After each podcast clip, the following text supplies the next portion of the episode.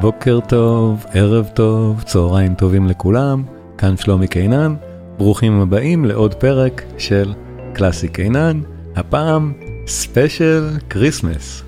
עם באך וצ'ייקובסקי, זה שני מלחינים שלא ייפגשו אף פעם בשום מסגרת ביחד, חוץ מאשר כריסמס. ה Christmas Oratorio מצד אחד, מפצח האגוזים מצד שני, ובואו נחגוג את החג הנוצרי הבאמת מדליק הזה, כריסמס, יום ההולדת של ישו. ואני מזכיר לכולם, בדקו בתיאור של הפודקאסט את שאר הערוצים, את יוטיוב, את פייסבוק, ובעיקר את הקורסים הדיגיטליים, שהעניין בהם מאוד מאוד עוזר לי להמשיך עם המפעל של הפודקאסטים האלו. אז ספיישל כריסמס, החגיגה גדולה, בואו נתחיל.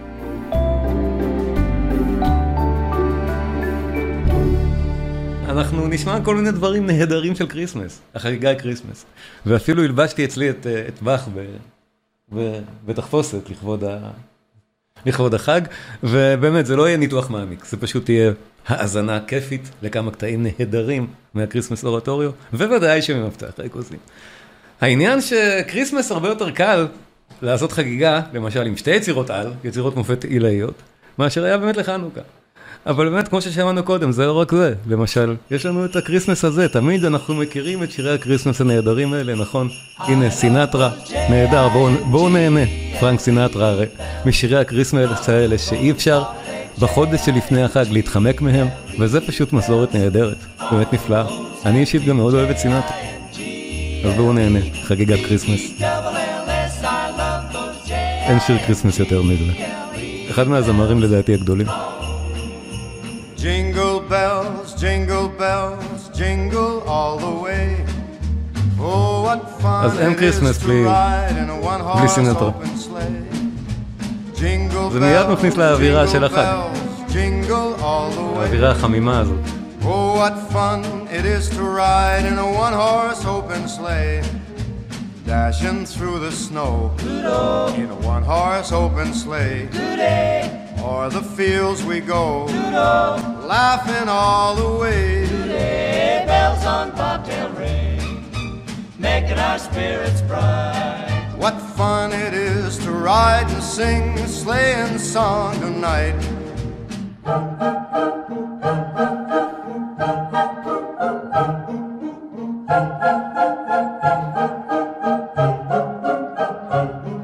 זה ממש מתוק. jingle all the way. Oh, what fun it is to ride in a one-horse open sleigh. I love those J-I-N-G.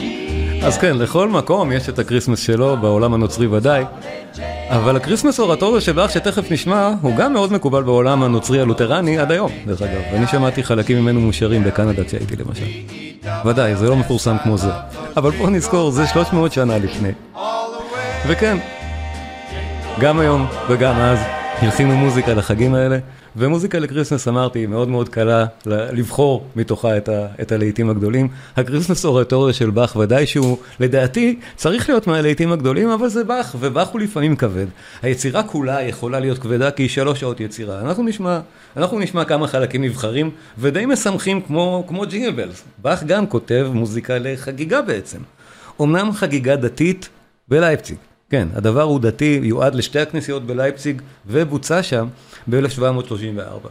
אה, מי שבקיא בכרונולוגיה של באך, 1734 זה שנה כבר מאוחרת יחסית. זה עשור אחרי המטוספוסים. אז הקריסמס אורטוריה של באך ממוקמת היסטורית, מבחינת הכרונולוגיה של באך, במקום אה, מעניין באמצע בין המתאוס פסיון לבין המיסה בסי מינור. וזה קצת הוא מבאס מבחינת יצירה להיות תקועה בין שתי אלה, נגיד ככה, בין שתי פסגות כאלה. הוא הלחין את זה בעצם בניגוד למתאוס פסיון, בחלקים אחרים בכלל, זאת אומרת, אלה היו קנטטות, הקריסטוט הרטורי הוא מורכב כמעט כולו מקנטטות שכבר באך הלחין לפני כן, שנתיים לפני כן בעצם, שלוש מהן אנחנו מכירים במלואן, זה קנטטות חילוניות שהוא הלחין שנה לפני כן עבור, אה, עבור הנסיך הבוחר מסקסוניה, שאנחנו מכירים אותן. וזה מה שנקרא פרודיה, לקחת את אותה יצירה ולהתאים לטקסט חדש, אבל באך עושה את הדברים האלה יחד עם פיקנדר, זה ההוא שעבד איתו על הטקסטים, באופן כל כך גאוני, שקשה להבין, קשה להגיד שהיצירה פחותה בגלל זה, אנחנו תכף נשמע, זה שזה פרודיה, ועדיין יש בתוכה גם כמה קטעים שהם אינם פרודיות בכלל. שהם קטעים שהם חדשים לגמרי, שנכתבו במיוחד, אחד כזה בולט, אנחנו נשמע היום. אבל בואו, במקום להכביר מילים, היצירה באמת חגיגית, היא מיועדת לחג המולד, זה החג השמח שלהם. אז באמת זה שמח, ולכן גם באך לקח פה מוזיקה שיועדה לקנטטה חילונית, ובוא נגיד די גדולה ומלכותית וחגיגית מאוד, וייעד אותה כל כך, באופן כל כך כל כך מוצלח לקריסמס. בואו נשמע איך זה מתחיל, הקורל הפותח המאוד מפורסם. אני אראה את המילים כרגיל.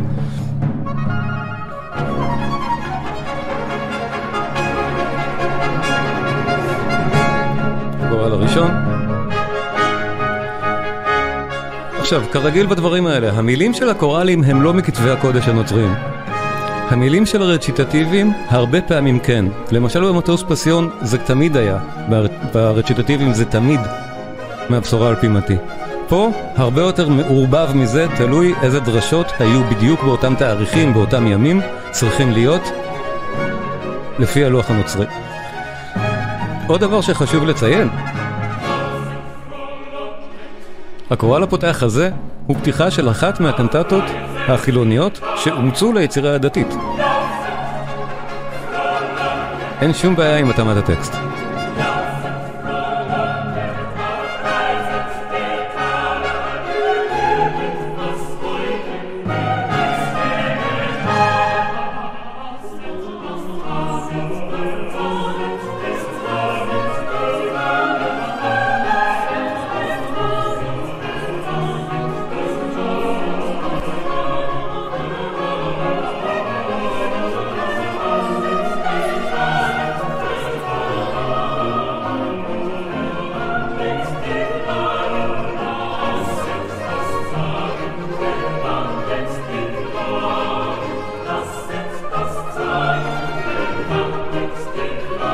חגיגת כריסמס, באמת חגיגה.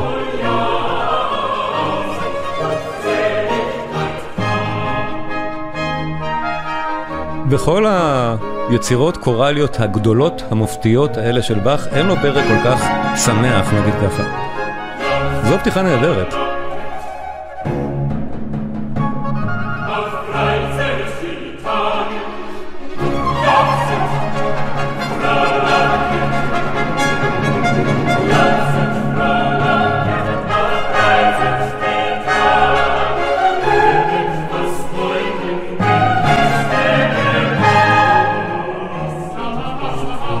עכשיו שימו לב איך המילים מאוד מורכבות לשירה על הלחן. אנחנו כבר יכולים להבחין בטקסט הגרמני כאן. וזה מבדיל בין הקוראלים האלה לקוראלים הקטנים שאנחנו נשמע דוגמית אחר כך לאחד מהם שהוא מאוד מפורסם בזכות עצמו, שאותו הקהילה אמורה לשיר.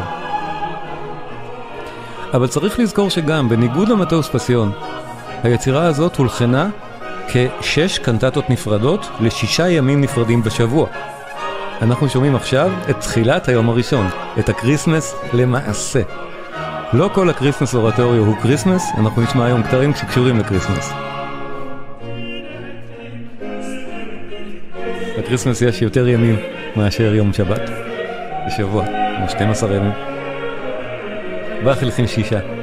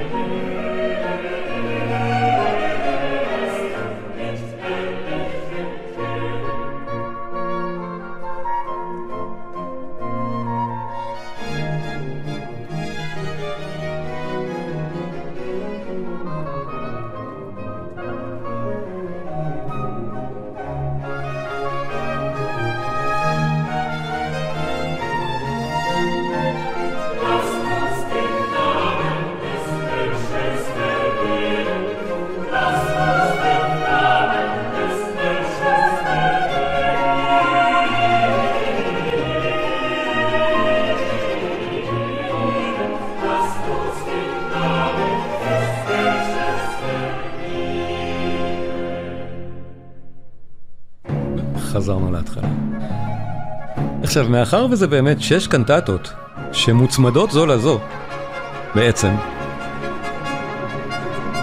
כל אחת עם פתיחה וסיום בזכות עצמה, כל אחת מיועדת ליום אחרי יום. היצירה באמת קלה יחסית לניתוח.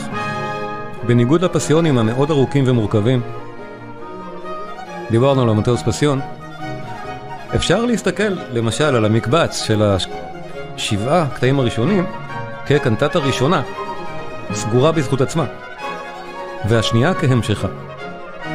זו דרך מאוד קלה ויפה להסתכל על היצירה הזאת, שאכן כמו שהיא נשמעת, היא פשוט משגעת. יצירה נהדרת של באך.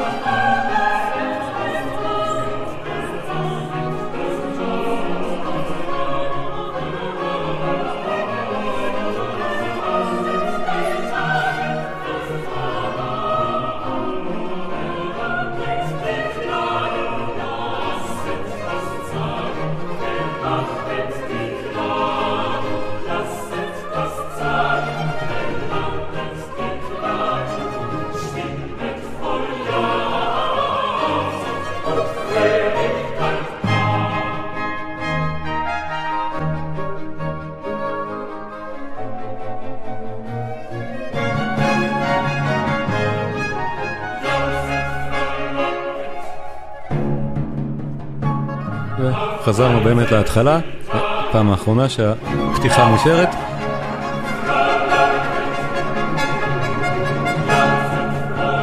נהדר.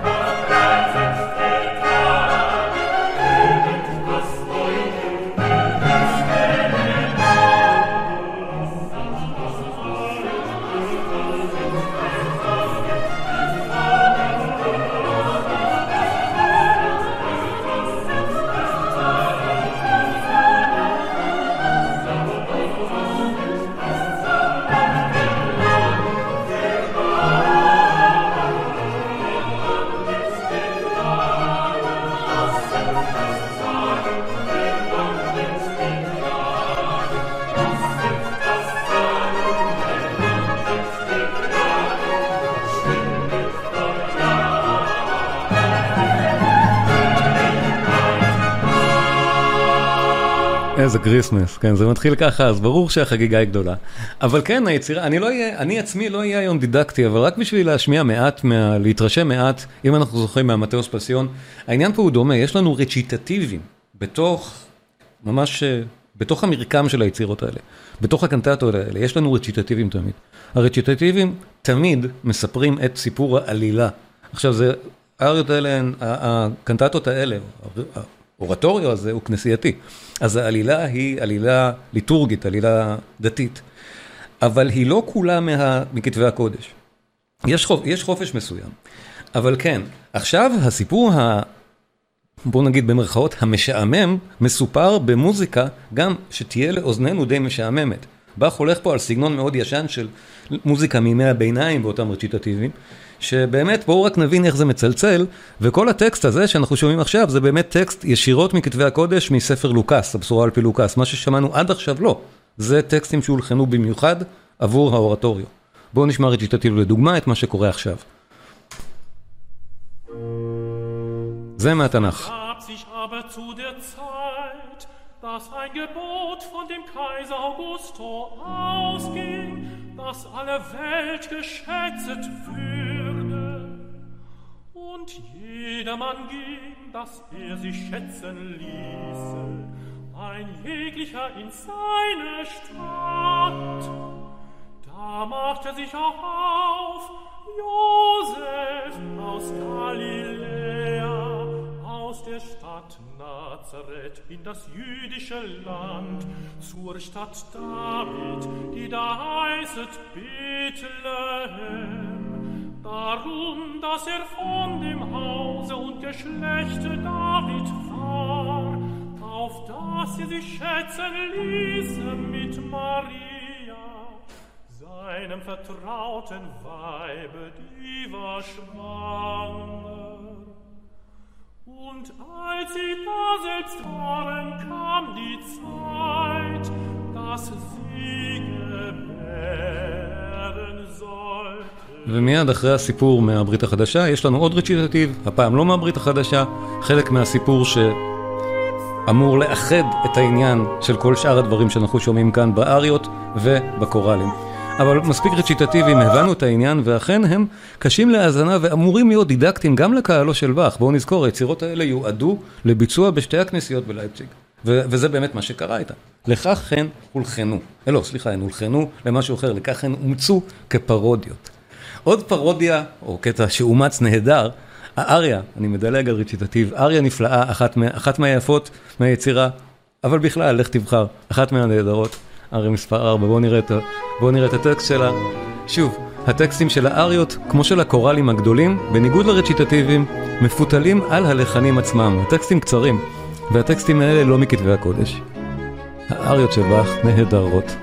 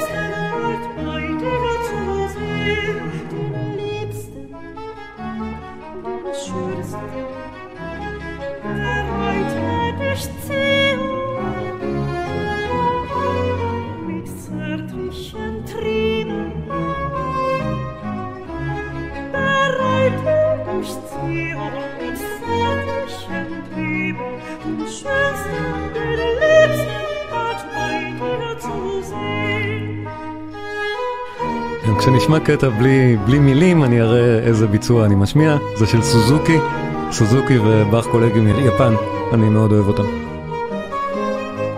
גם גרדינר כמובן מאוד מומלץ.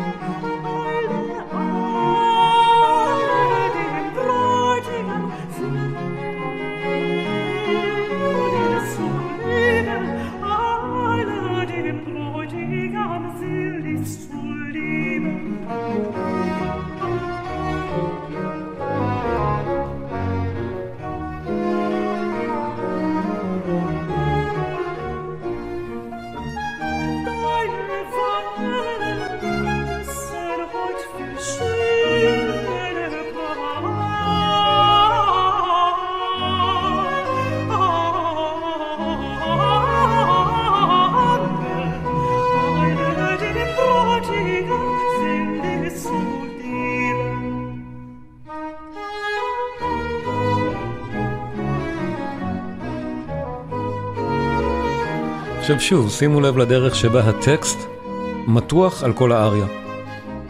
כמו שהטקסט היה מתוח על כל הקורל, על החמש או על שש דקות. ותכף נראה בקורל שהקהל, הקהילה אמורה לשיר, על הלחן שמוכר להם, איך הטקסט ערוך שונה לגמרי, מחולק שונה, על מנת שיהיה קל לשירה.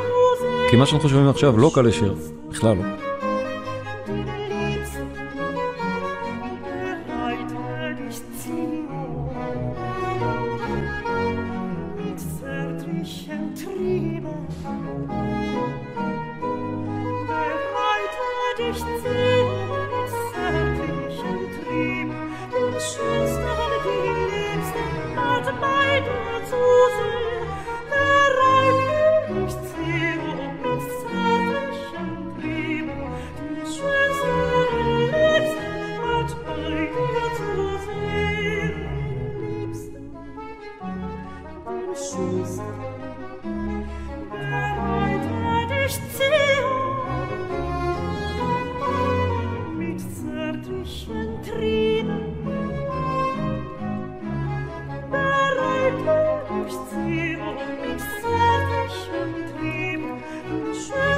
זה די מורכב. בלי הטובים ודאי שאי אפשר. אבל הקהל אמור לשיר את הקוראלים שהם מכירים את הלחנים שלהם כבר מראש. שזה אפילו לא עניין של מה שנקרא פרודיה שאמרתי קודם. זה עניין אחר שדיברנו עליו גם במטאוס, אני אזכיר פה. בקוראלים הקטנים, אלו של הארבעה קולות הפשוטים יחסית, באך כמקובל בתקופה, בקנטטות של התקופה, לא רק שלו, אה, בוחר בלחנים מוכרים לקהל על מנת שהקהל יוכל לשיר את זה באופן אה, אינסטינקטיבי כשיש לו את המילים ביד. שיוכלו פשוט לשיר את זה, כמו שאם אנחנו מכירים כולנו את הלחן של יונתן הקטן, אז אם נותנים לנו מילים, יונתן הקטן, כולנו נדע לשיר. אז באותה צורה, אחד מהמפורסמים ביותר הפך להיות הקורל של המטוס פסיון. והוא נמצא גם פה. אז שומעים את הקריסמס אורטוריו, בדרך כלל מי שמכיר כבר את המתאוס פסיון, ואומר, אה, מה, באך גונב פה מעצמו, מהמתאוס. אז, אז נכון, הקטע הזה נמצא במתאוס חמש פעמים, לא סתם, אבל זה בכלל מבוסס על שיר קורל של אחד בשם הסלר, שלא כל כך ברור מי הוא, אבל זה היה שיר שכולם הכירו תושבי האזור, בתושבי לייפציג. כזה. שיר מאוד מוכר, שיר אהבה חילוני בכלל. הקורל של הסלר, הטקסט שמאומץ לו כאן, וכולם מכירים את זה מהמטוס פסיון, ותראו איך הטקסט קל במקרה הזה באמת לשירה של קהילה. הוא מאוד קל על, ה, על המבנה המוזיקלי.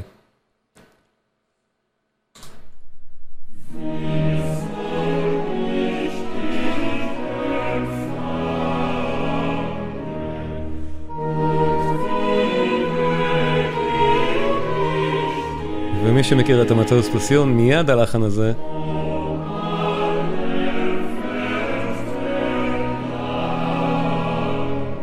נכון לגמרי.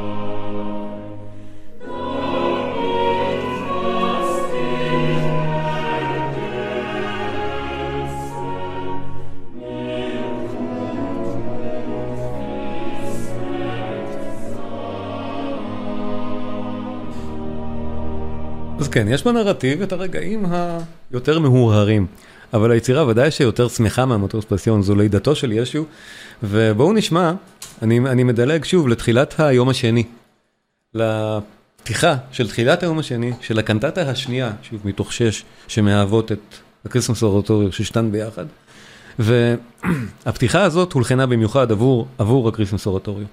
וזה גם אחד מהרגעים האינסטרומנטליים הנפלאים של באך מתוך קנטטות שלו, שזוכים אחר כך לחיים תזמורתיים מחוץ עצמם, בזכות עצמם, זה מאלה. יש לו את הפתיחות התזמורתיות הנפלאות האלה, ה sublime, האלוהיות האלה, כמו הפתיחה של היום השני של הקריסמס אורטוריו. אינסטרומנטלית בלבד. ובאופן מאוד אה, מעניין, את זה הוא הלחין במיוחד עבור לייפציג, עבור הקריסמס אורטוריו. זה לא פרודיה? שאר הפרקים באותה קנטטה מספר 2 כן פרודיה, אבל זה לא. גם אחד מרגעי באך היפים מהיצירות הקוראליות הענקיות שלו.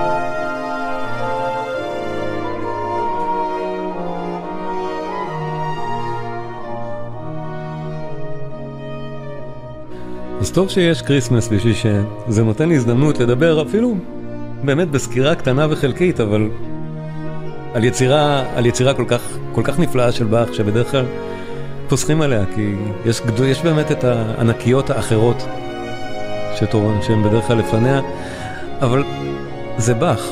כל הקנטטות שלו למשל, לדעתי הן נפלאות, כולן כאחת. וודאי שהאורטוריה הזו נפלא. כולו. ממש ממליץ להאזין. תעשו לעצמכם איזה קל, תדלגו על הרציטטיבים, זה בסדר, תקשיבו לאריות, לקוראלים הנפלאים האלה. מקטעים כמו זה, זה נהדר. ההקלטה שאני משמיע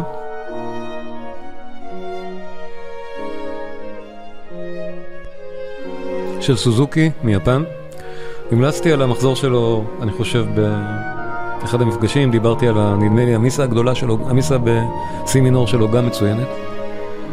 זה הקלטה שאנחנו שומעים עכשיו. הקלטה מאוד מומלצת. קשה קצת, קשה קצת למצוא את זאת, אז גם גרדינר מאוד מומלץ. גרדינר נהדר. מההקלטות היותר באמת חדשות.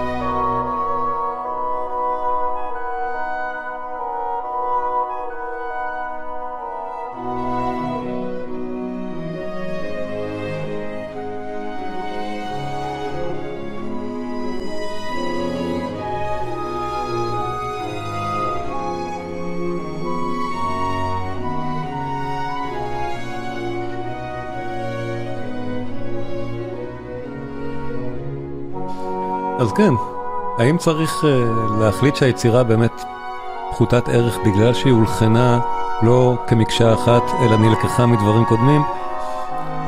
אני באמת לא יודע. אני חושב שבאך עשה פה עבודה כל כך טובה, שמה זה משנה בכלל? זה נהדר. במיסה שלו בסימינור הוא עשה דבר דומה, וגם לקח קטעים מקטעים קודמים. אבל באופן מפורסם הפתיחה שלה היא חדשה לגמרי, ובגלל זה הכל נראה אחרת. ולסיים את חלקו של באך של הערב. בואו נשמע את פתיחת החלק השני, השלישי, סליחה, פתיחת הקנטטה של היום השלישי של כריסמס. המזכירה מאוד את היום הראשון. שוב, באך נפלא, נהדר, גדול וכריסמסי, חוגג.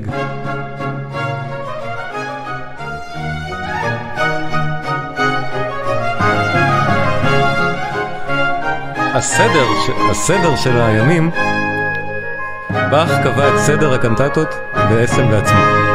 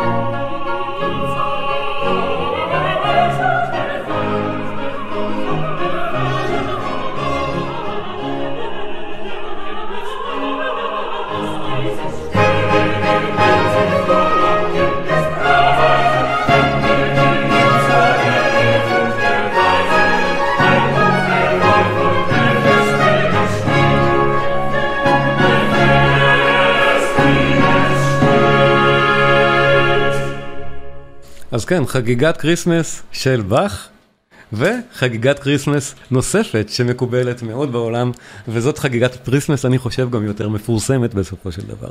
כי האורטוריה של באך אכן מאוד ידוע בעולם הנוצרי, הלותרני, שרים אותו בפועל. אני, אני, אני שמעתי אותו מושר, חלקו לפחות, בקנדה פעם, אה, בטקס אמיתי. אבל אה, היצירת כריסמס הכי, הכי אה, גדולה ומפורסמת בכל רחבי העולם, זה מפצח האגוזים של צ'ייקובסקי. אבל הסיבות, הסיבות הן קצת, אה, הן קצת מעניינות. אנחנו, אה, מסיבת כריסמס שלנו, אז ודאי, שמפצח האגוזים של צ'ייקובסקי, אפשר לשמוע אפילו על רקע של הדבר הבאמת חמוד הזה, להסביר מדוע הנסיבות היו מעניינות, אבל אולי נתחיל מזה. הקטע הקריסמסי במפצח האגוזים, תגידו לי אם אתם מכירים את המוזיקה, אבל אנחנו מכירים את הקריסמסיות שבסצנה, ודאי.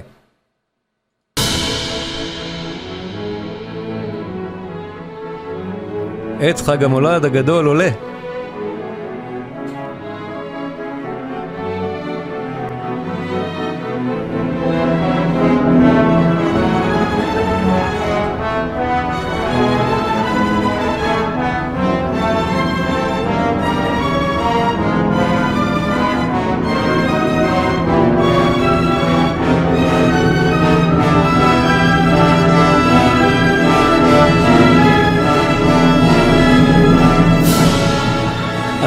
נראה כריסמסי, אבל זה לא מפתח אגוזים שאנחנו מכירים, נכון?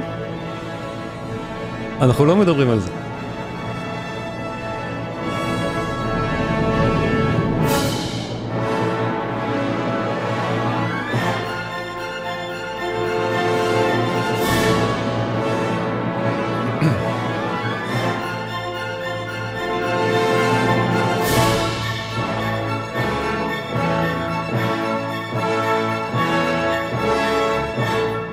אז 150 שנה אחרי באך, צ'ייקובסקי מכין, מלחין, בלט לקריסמס, שהוא בעצם לא לקריסמס, הבלט הוא בעלילת קריסמס. אז ברור, היצירה הזאת כבר לא קשורה לשום דבר דתי, ולא קשורה אפילו ישירות לחג.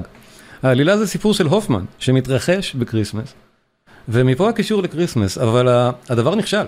הבלט לא, לא עלה יפה. צ'ייקובסקי גם לא אהב כל כך מה שעשו איתו. והוא בעיקר לא אהב שאת המוזיקה שהוא חשב שהכי מוצלחת, הייתה כולה בחלק השני של הבלט.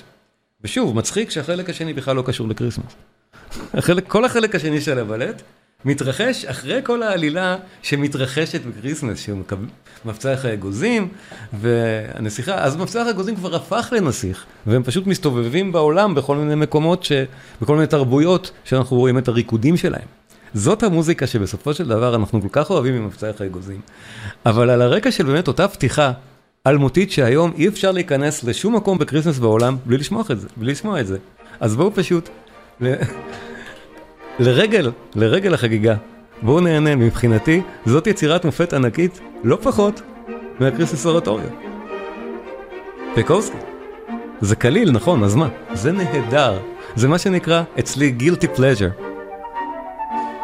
זה נפלא. ואין נכד אחד שלכם, או ילד אחד שלכם, שלא אוהב את זה. לא יכול להיות שלא. הפתיחה, מה שנקרא מניאטורה של מבצע האגוזים.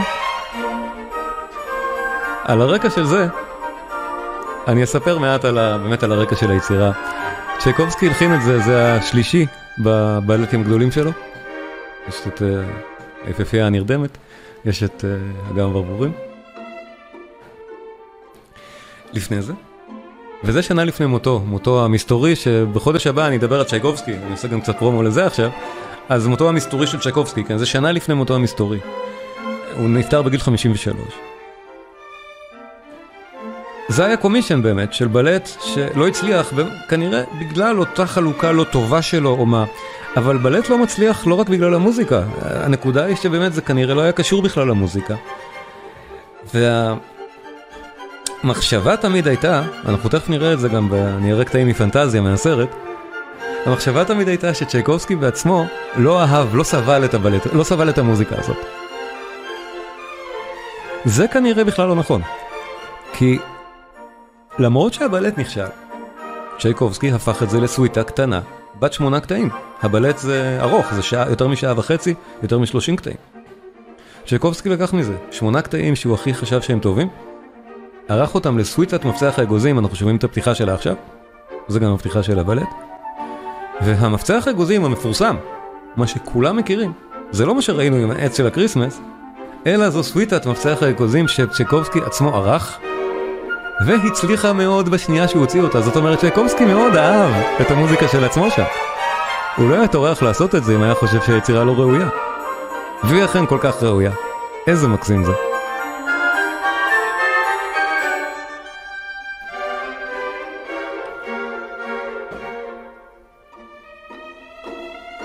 ההקלטה הקלאסית שאני משמיע עכשיו, באמת, יש, יש את ההקלטות האלה שמחממות את הלב מרוב שהן קלאסיות, זה אנדרי פרווין, אפשר למצוא את זה בספוטיפיי, קל מאוד.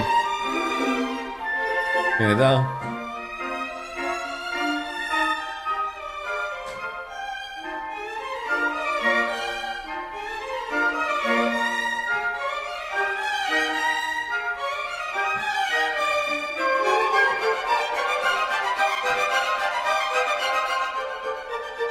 עכשיו שימו לב, צ'ייקובסקי עושה את זה כל כך קל, שמתזמר כאן בלי כלי בס בכלל. אין לנו בס בכל הקטע הזה.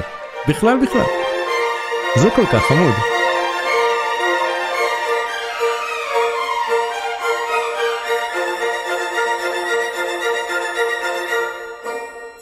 נכון, אז את זה, בסרט פנטזיה, לא כוללים לנו את שני הקטעים הראשונים מהסוויטה. אבל הם מסבירים לנו משהו מאוד מעניין. בוא, בוא נראה מה הם מסבירים. הקטע השני שהם לא כוללים, אגב, זה את המרש. אה, אני חושב שנדלג עליו היום מתקוצר זמן, נשמיע אותו אולי בהדרן את המרש אחר כך.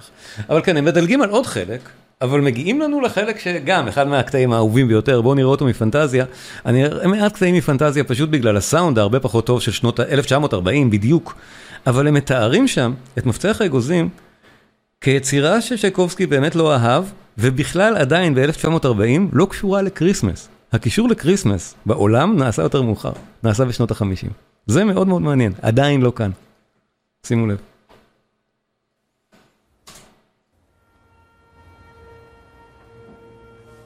You know, it's funny how wrong an artist can be about his own work.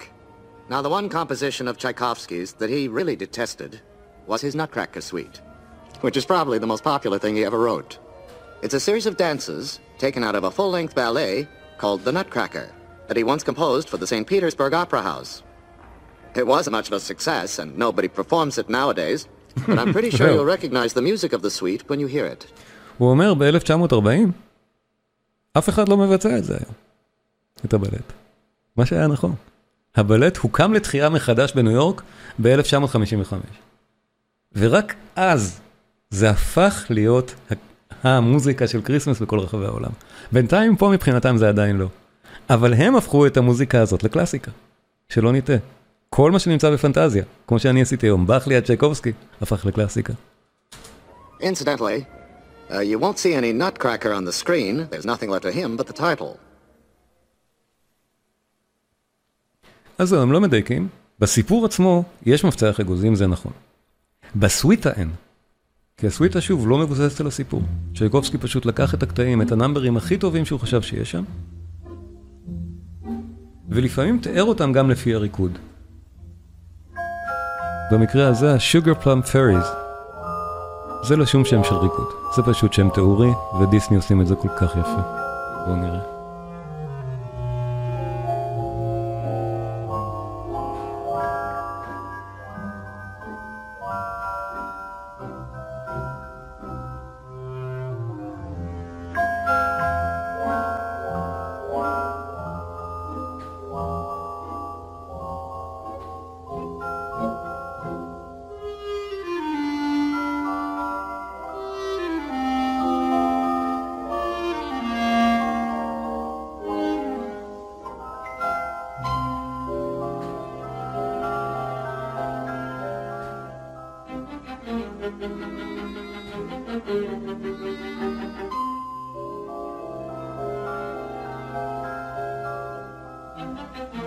פנטזיה של וולט דיסני מ-1940, זה לא יאומן שזה כל כך מזמן.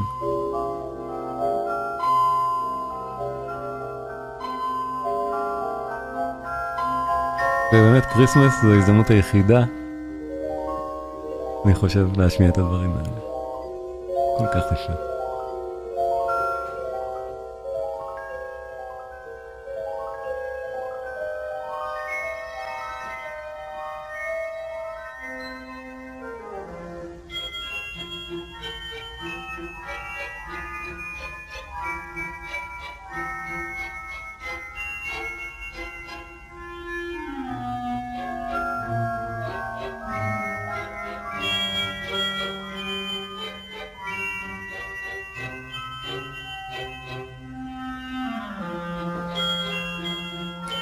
שראינו, דיסני באמת דילגו על שני קטעים מתוך ההתחלה, עברו ישר לשלישי, ובאופן כללי הם קיצרו את הדבר הזה ל-16 דקות, זה לוקח בערך 25, עשו את הכולה לנגינה. הם עשו דברים דומים כבר אה, ראינו בסימפוניה השישית של בטהובן. זה לגמרי בסדר, ודאי שמותר. החופש האומנותי בקולנוע מהסוג הזה הוא לגמרי נהדר, אבל מהסיבות האלה בואו נשמע עוד קצת מהיצירה עצמה בהקלטה טובה שלה. למשל, הטופק, סליחה, טרפק, הריקוד הרוסי, או הריקוד האוקראיני, המאוד מפורסם, וברור שזה ריקוד. עכשיו גם, בעלילה של הבלט, שבמקרה הזה כבר לא משנה לצ'ייקובסקי כלום, זה באמת במערכה השנייה הם מטיילים ורואים ריקוד רוסי. זה כל העניין. אבל איזה קטע נהדר. אחלה כריסמס.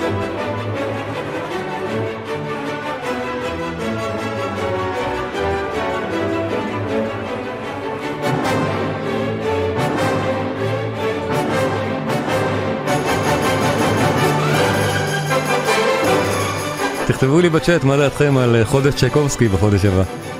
אני מאוד מאוד אשמח.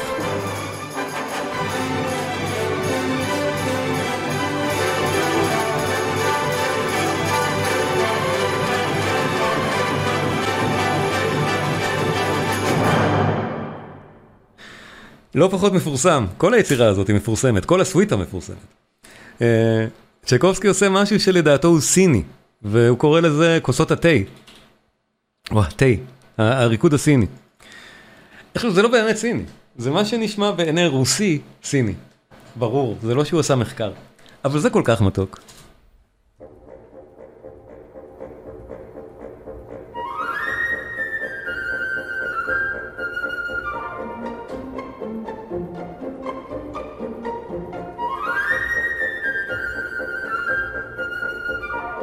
עכשיו באמת, חלק מהריקודים האלה הם קצרצרים.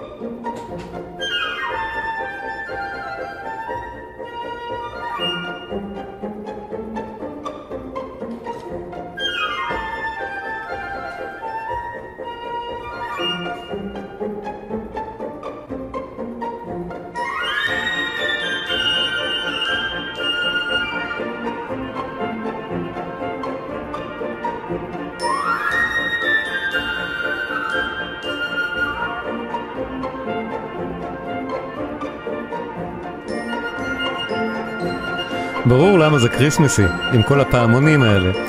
המוזיקה בלי הקשרה היא לגמרי מצלצלת, מוזיקה למזחלות ושלג ולבית ול... זה כזה, זה כל כך כריסמסי באמת באווירתו. ועוד קטע שהוא כאילו מאיזשהו עם, אבל בעצם לא, זה הקפה, הקפה שבא מערב, ריקוד ערבי. לאוזנינו זה ודאי לא נשמע ערבי.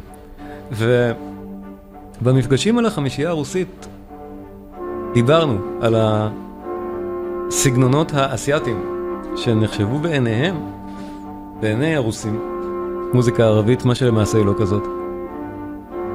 אז זו עוד דוגמה לכזה. ושוב, מאחר וזו יצירה מאוחרת מאוד של צ'ייקובסקי, מהעשור האחרון של המאה ה-19, יותר מאוחרת מהסימפוניות של בראמס שדיברנו עליהן, הוא מרשה לעצמו פה הרמונית באמת ללכת על מבנים מאוד מאוד מיוחדים.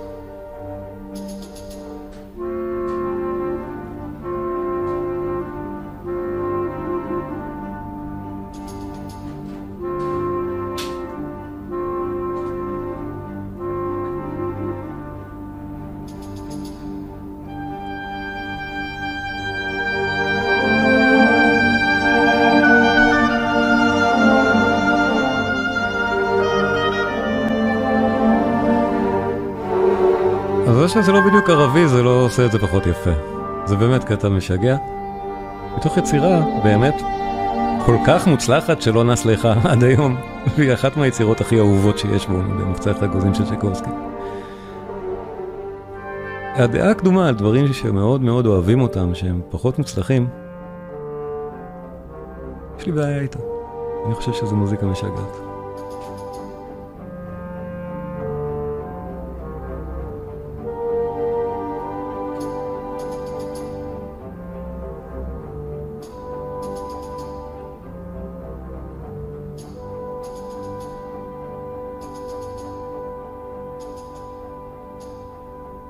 ואת זה אני חייב להראות מפנטזיה, את הסיום של הסוויטה. הסיום של הסוויטה הוא שונה מהסיום של, ה, של, ה, של הבלט. ואנחנו נשמע אחרי זה את הסיום של הבלט כולו, כי הם, הם, הסיום של הבלט הוא עוד יותר, עוד יותר בומבסטי מהסיום של הסוויטה. הסיום של הסוויטה הוא גם אחד הרגעים החינניים והמפורסמים, גם ברפרטואר הקולנועי, מה שאנחנו מכירים מפנטזיה. בוודאי שבמוזיקלי, ואלס הפרחים, המאוד מאוד ידוע. שוב, הקשר עלילתי אין לו גם בבלט. זה כבר בסוף העלילה, הם פשוט מטיילים להם בכל מיני מקומות פנט... פנטסטיים, הגיבורה והנסיך, אבל דיסני עושים את זה כל כך יפה.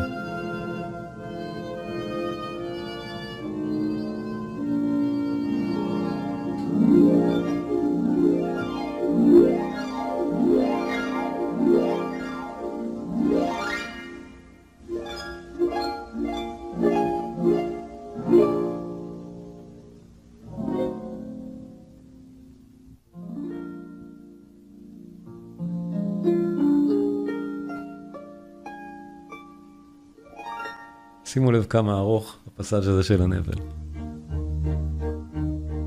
ואז התחלנו.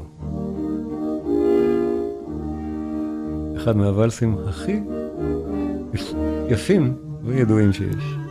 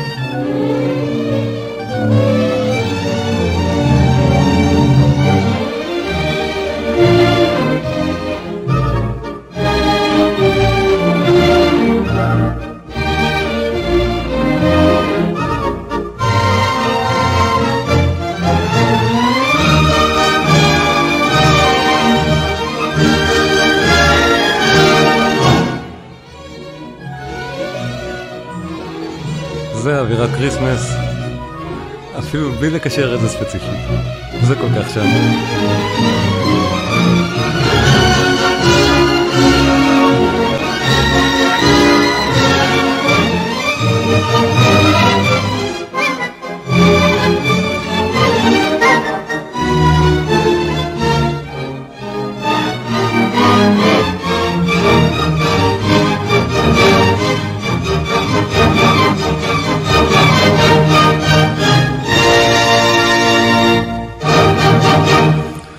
אז מזה אפשר להבין גם שצ'ייקובסקי היה יודע להלחין ואלסים נפלא ונהדר.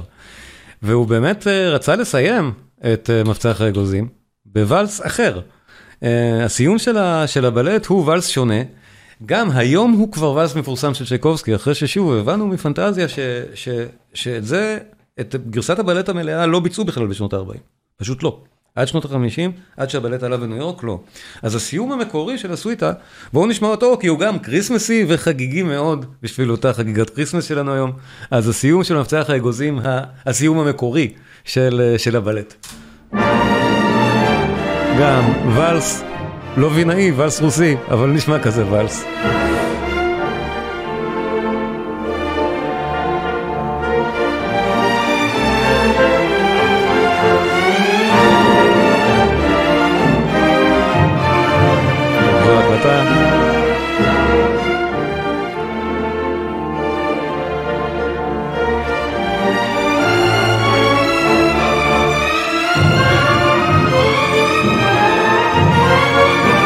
אז כן, זה מהקטעים של מבצח האגוזים, שיש הרבה כאלה, אמרתי, יש 30 קטעים, מעט יותר, בתוך הסוויטה כולה, בתוך הבלט כולו, שבאמת לא מוכרים, ושווים האזנה. ואלס נהדר. הסיום שלו אולי מעט בומבסטי מדי, תכף נשמע.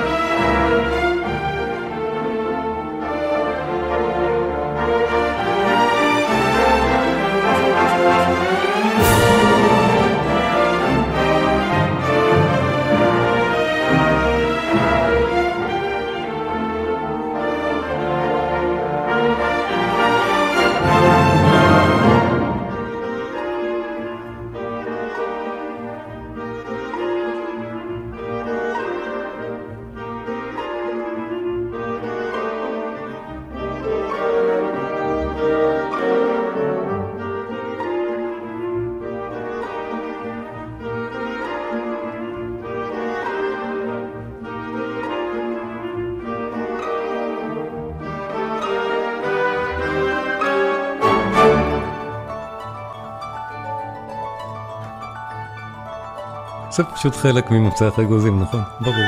שומעים את זה ברור.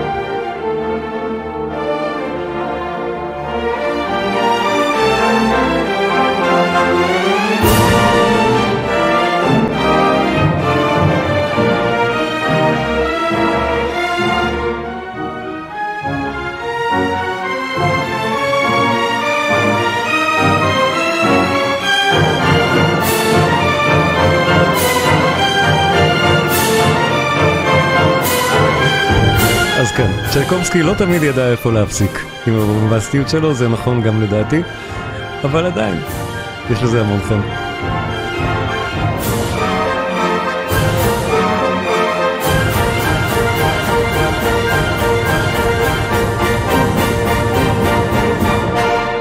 ועדיין לא, כי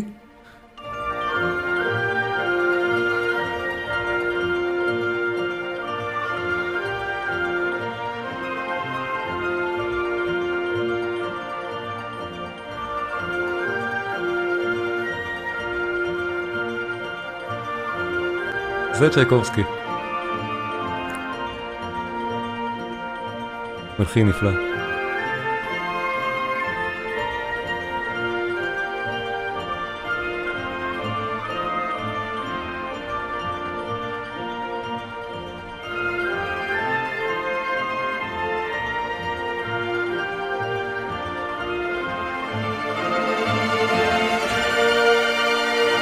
זוכרים את הוואלס?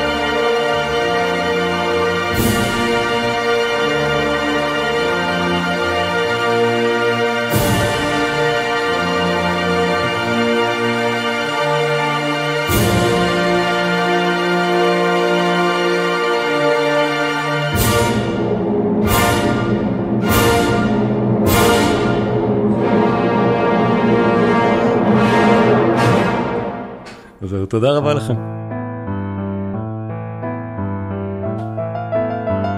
תודה לכולם על ההאזנה, אני הייתי שלומי קינן.